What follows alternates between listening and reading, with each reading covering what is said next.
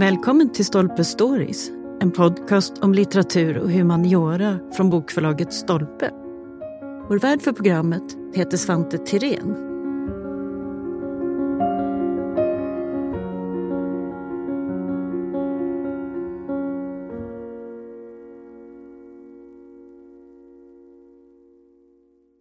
Förr i tiden så var en karta över Jerusalem någonting alldeles självklart i svenska klassrum. Bibeln och kristendomen var ju själva grunden för hela vår världsbild och det skulle man förstås lära sig redan som barn. Men idag så brukar Sverige kallas för världens mest sekulariserade land och då kan det vara lite svårt att förstå hur starkt påverkade vi är av den här bibliska historien ända in i vår egen tid. Svenskarna och det heliga landet började som ett forskarseminarium men har nu kommit ut som en rikt illustrerad antologi. Här får vi kontakt med en historia som faktiskt omger oss överallt, även om vi inte alltid tänker på det. Boken är en bred introduktion till relationerna mellan Sverige och Jerusalem i både tanke och verklighet. En av redaktörerna är Louise Belfrag som ska berätta mer. Varmt välkommen hit! Tack, tack. Du har ju bakgrund inom religionshistoria och du bor själv också i Tel Aviv. Hur kom du på att du skulle göra ett sånt här projekt om svenskarna och det heliga landet? Ja, det var ju lite oväntat på sätt och vis att det skulle finnas så mycket material som hade svensk bakgrund i Jerusalem.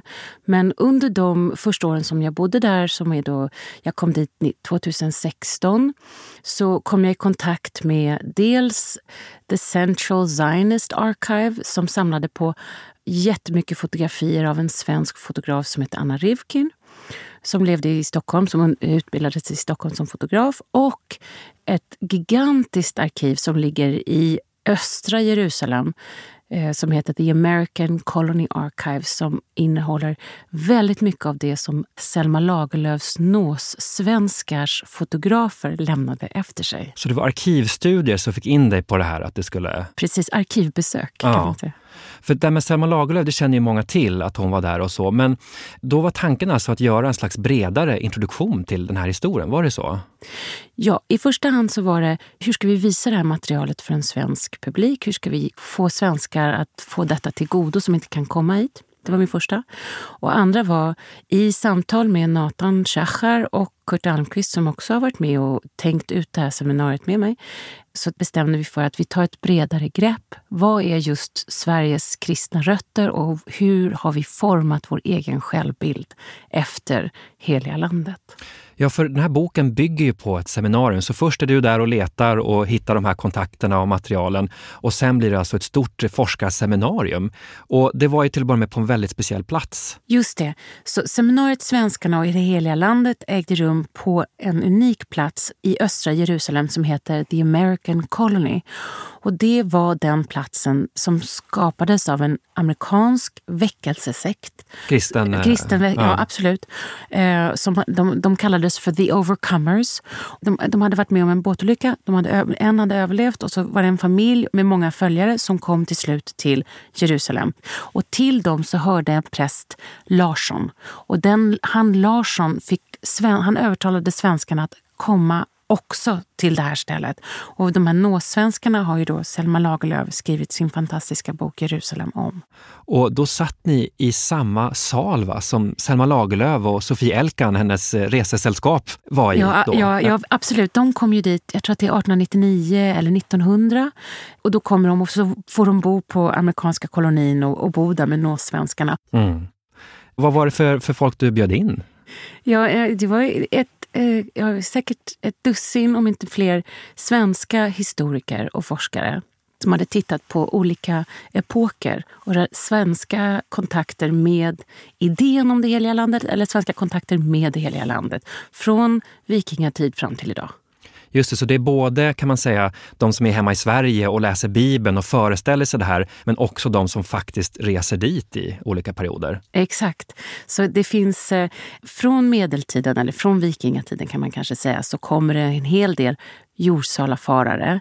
Men vi har inte så mycket dokumentation om dem. Det är mer att de har tagit med sig reliker och de hittar vi senare i Sverige så man förstår att de har varit på plats redan från 1100-talet ungefär. Och Jorsalafara, det är alltså, berätta, det är det gamla namnet på... Jorsala, ja. ja. Det är gamla namnet på Jerusalem. Så det är de gamla resenärerna. Ja. Och så det är medeltiden. Vi vet ju att, att människor är där, men vet kanske inte så mycket. Men man, man vallfärdar dit på, på olika sätt. Precis, det är många som vill vallfärda dit eh, då, från 1100-talet och framåt. Och den mest kända personen är heliga Birgitta som tar sig dit, det är hennes sista levnadsår, 1372 kommer hon dit. Mm. Mm.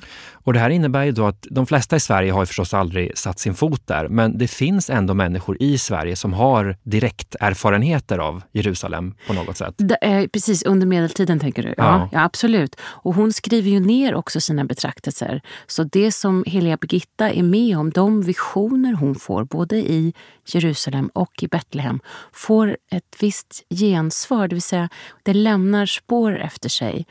Och som ett exempel så skulle jag kunna berätta, när hon är i Betlehem så får hon en vision av Maria och Jesusbarnet. Och Jesusbarnet har som en strålglans kring sitt huvud.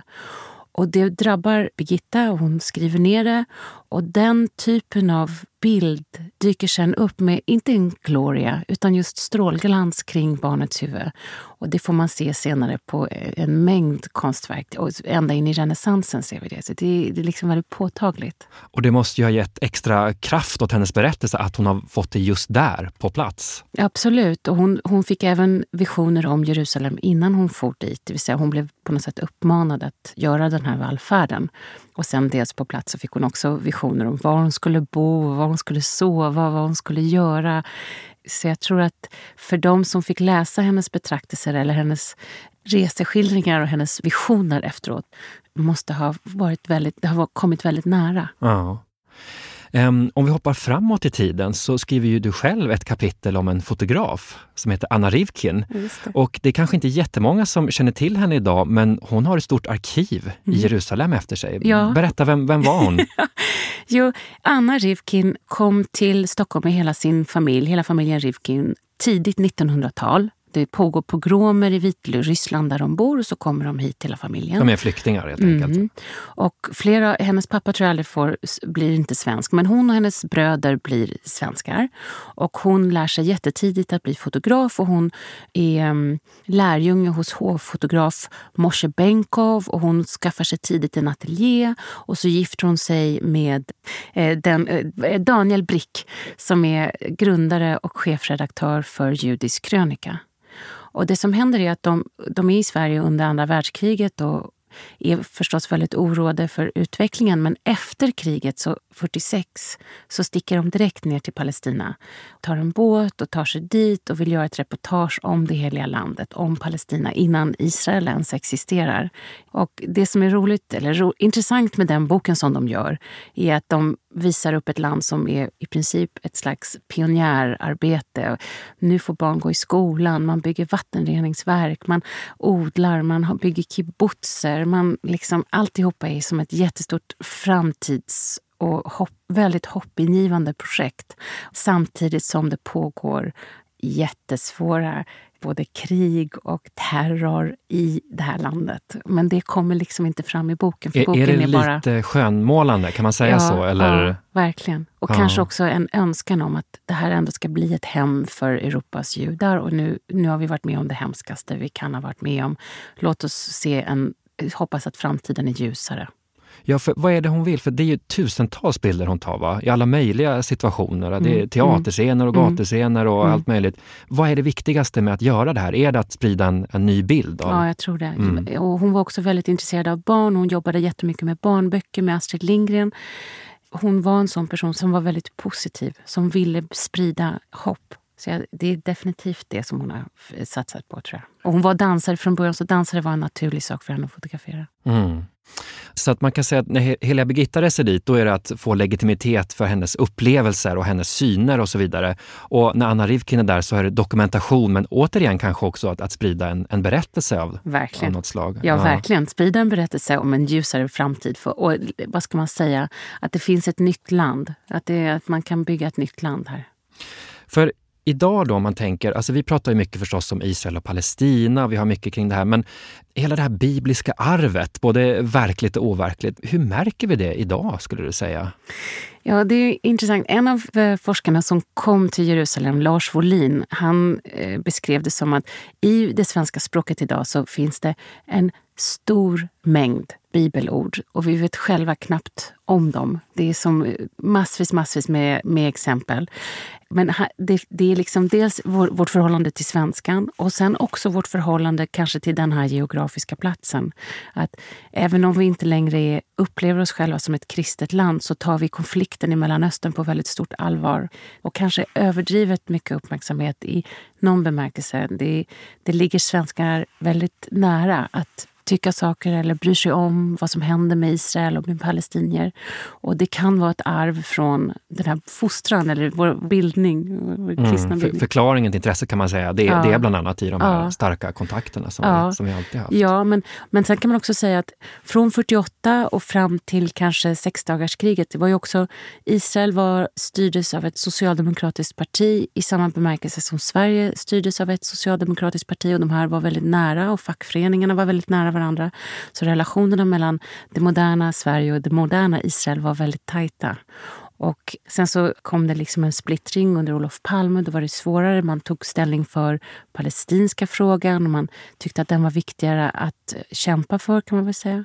Och sen så har det, det har gått i vågor. Göran Persson var den som initierade Holocaustkonferensen år 2000 och skapade en ny relation med Israel som inte hade funnits tidigare. Och nu alldeles senast, bara för en månad sen, så kom vår nuvarande utrikesminister Ann Linde ner på besök för första gången på tio år.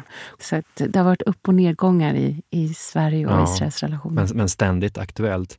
Men du, är inte det här ett exempel på en historia och en koppling som är så bred och så genomsyrande i allt att vi knappt ser eller tänker på den? det stämmer nog. Ja. Det stämmer nog. Och jag tror att vi, den är svår att få syn på i så vid att vi tar den för givet. Det är klart att vi ska bry oss om det och det är klart att vi har de här traditionerna och det är klart att man tänker på sig själv som, kanske som i Sverige idag så tänker man sig själv gärna som en sekulär eller icke-religiös person.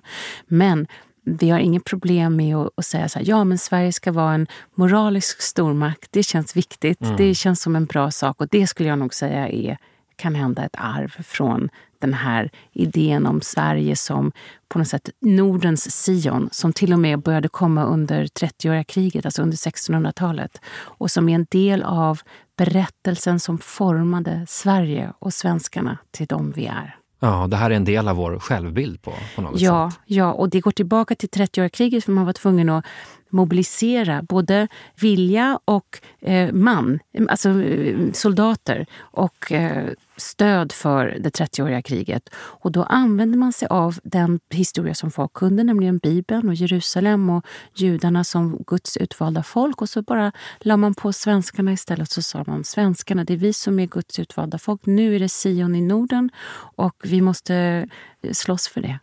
För det är det man ser i den här boken också. Det är ju en, en stor samling olika perspektiv på det här, men också kan man säga fallstudier nästan. Va? Ja. Då vi möter namn som Selma Lagerlöf och det är Sven Hedin och det är Fredrika Bremer ja. och det är han Resare-Bengt hette han va? Ja, eh, och, och, från olika delar av historien. Men, och Karl XIIs expeditioner också förstås. Ja, just det. Mm. Och, men om man tar en sån som Fredrika Bremer till exempel, för henne finns det ett stort intresse för idag. Inte minst att hon reser runt i hela världen, till Amerika och så, men hon tar sig också till Jerusalem Jerusalem. Hon, hon vill se med egna ögon. Ja, verkligen. V vad är det hon ser och rapporterar hem? Det är efter Amerika så kommer hon till Jerusalem och hon ser mycket elände. Hon ser väldigt mycket fattigdom. Och hon har liksom tagit på sig kan man väl säga att skildra den där världen då, där hon är där, vad är det, 1860-tal ungefär. Och hon drabbas väldigt hårt av det. Hon tycker det är väldigt smutsigt. Hon tycker inte att folk har det något bra. Och hon ser ungefär... Hon var ju som en feminist och en kristen.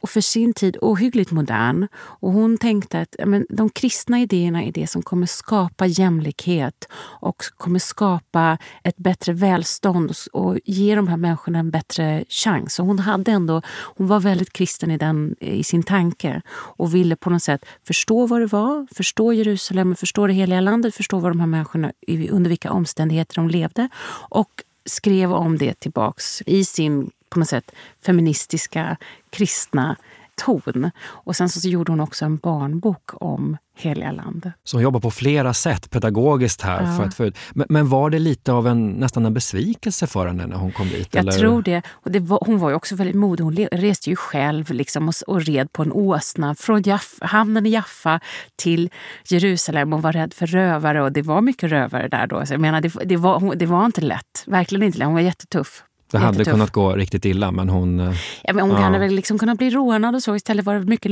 loppor och kallt. Och, alltså, jag beundrar henne för att hon gjorde det. Det var väldigt tufft. Ja. ja. Det som är fascinerande med det här också är att när man tänker då på att det är så otroligt olika personer vi pratar om, men de knyts ju ihop av att Jerusalem är den här punkten. Och jag tänker på det du säger just om att det här är vår svenska självbild bland annat, eller en spegling av den i alla fall. Ehm, är det en historia vi har tappat kontakt med, så att säga? Alltså är, det, är vi för omedvetna idag om att Jerusalem har varit en så grundläggande del av det som format oss? Mm. Det skulle jag nog säga att vårt svenska 1900-tal och 2000-tal där vi är nu är ju präglat av en väldigt stark framåtriktande, modern tanke att vi ska lämna det gamla bakom oss och vi ska göra allting nytt. Vi är väldigt drivna och vi är väldigt ingenjörskunniga. Vi är väldigt liksom bra på att bygga det här framåt. Men då glömmer man just historien och vad, är det vi, vad var det våra morföräldrar lärde sig, och farföräldrar lärde sig i skolan. Och att Palestinakartan eller Kanans land, den hängde till och med i, min, i mitt klassrum på 80-talet. Att det var en en referenspunkt och att Bibelns berättelser var också referenspunkter. Det är klart att vi har tappat det.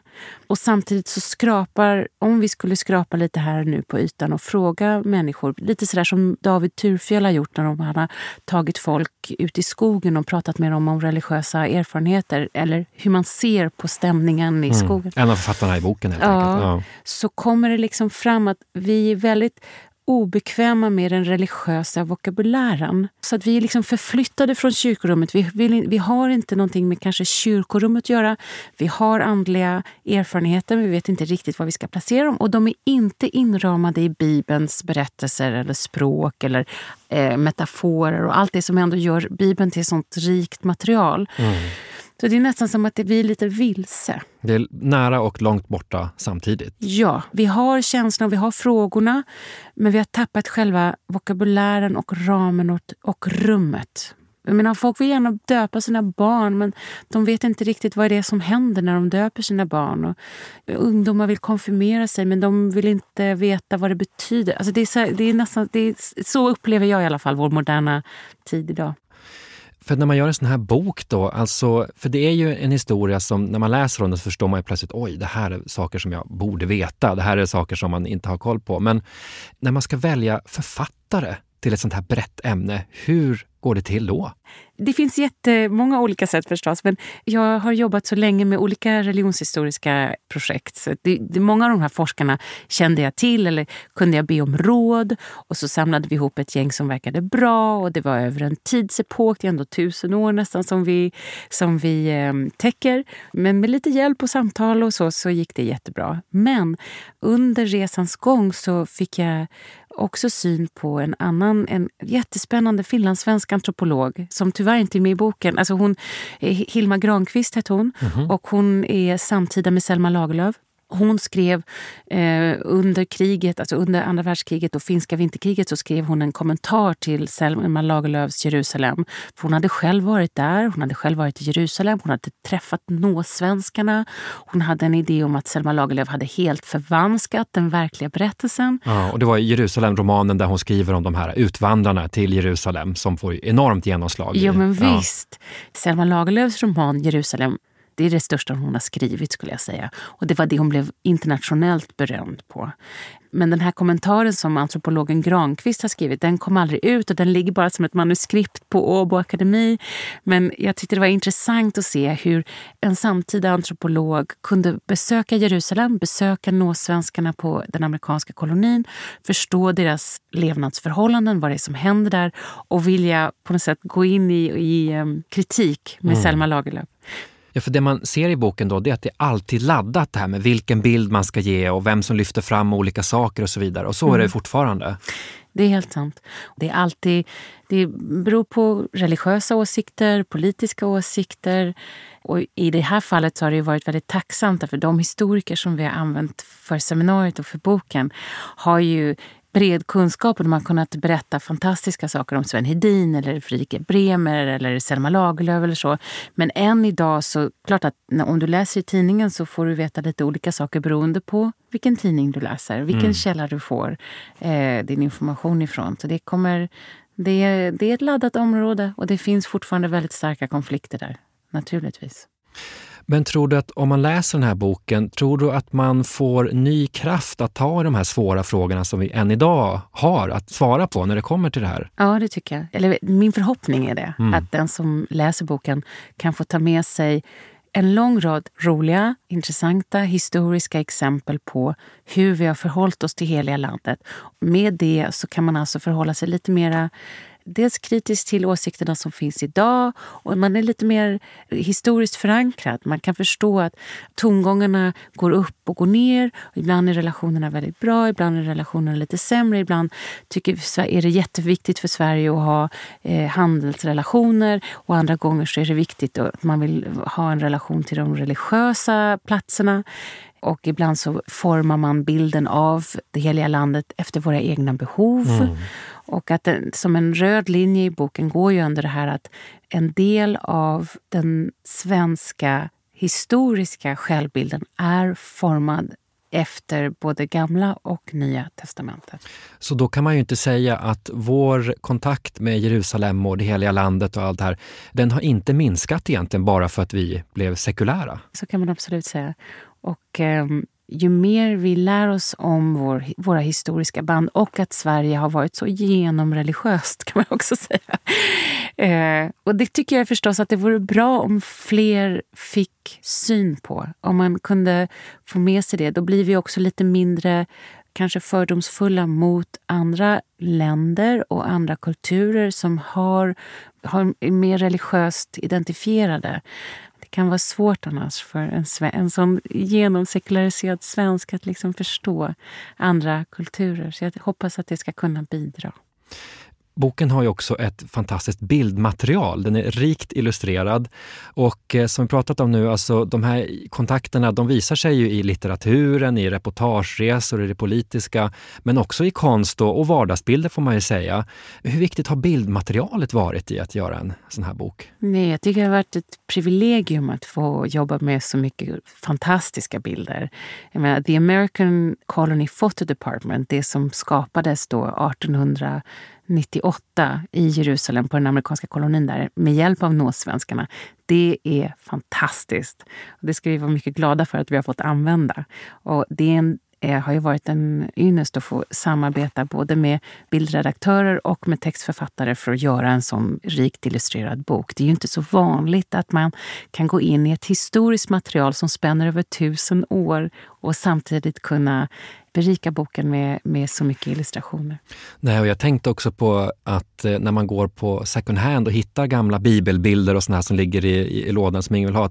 Med den här historiken bakom sig så får de lite ny lite ny laddning. Ja, ja visst, absolut. Nu, nu, får väl alla gå ut och titta lite mer extra. Det finns ofta eh, vykort från heliga landet och om man har tur så kan man hitta underbara små klippböcker med flora från heliga landet. Jag har en sån hemma som jag hittat med små växter och blad och olivkvistar eh, och sånt. Och det var väldigt vanligt att man gjorde i ordning såna här souvenirer för det var ju massvis med turister i Jerusalem.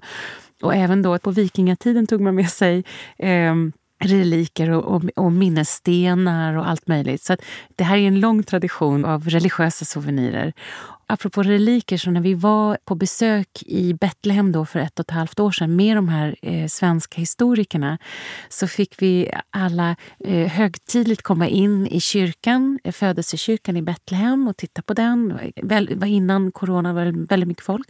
Och sen så fick vi komma in och så fick vi se en, en donation som just hade gjorts av, jag tror det var påven, som hade lämnat en liten flisa av Jesu krubba som hade kommit tillbaka till Betlehem som var då inramad i guld och röd sammet. Så det var absolut fantastiskt. Fick vi stå och beundra den lilla flisan. Relikerna är fortfarande någonting väldigt heligt helt enkelt. Ja, verkligen. Ja. Och betydelsefullt. Mm. Men jag tänker också att när man har läst det här så får man ju också tanken på vad finns det mer? Vad är det för andra fler spår kring det här vi borde undersöka? Och du själv håller på att skriva en slags fortsättning på det här, eller? Alltså, jag, vad jag gör nu är att jag håller på med ett religionshistoriskt projekt. Det vill säga i den mån det går revitalisera hela religionshistorieämnet och göra det mer aktuellt. Så att det som händer oss här idag tror jag vi är fortfarande i stort behov av att svara på de stora frågorna. Varför är vi här? Vilka är de stora berättelserna? Vad är kristendom? Vad är judendom? Vad är islam? Hur ska vi förstå andra religioner? Och jag tror att i Sverige så är vi lite renons på det här. Så ju mer vi kan få veta och ju mer vi kan få del av vår egen religiösa historia, desto bättre. Mm. Ja, men som sagt, det ger verkligen insikter i vår, vår egen självbild får man säga. Mm, vi får se hur det fortsätter, men stort tack för att du kom hit Louise. Tack snälla Svante, det var kul.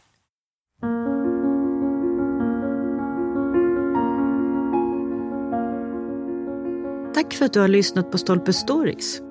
Missa inte att du som lyssnar har 20 rabatt på bokförlaget Stolpes titlar hos Bokus.com. Aktivera rabatten genom att ange koden STOLPE20. Och för att lyssna på fler avsnitt, följ oss där poddar finns och på sociala medier.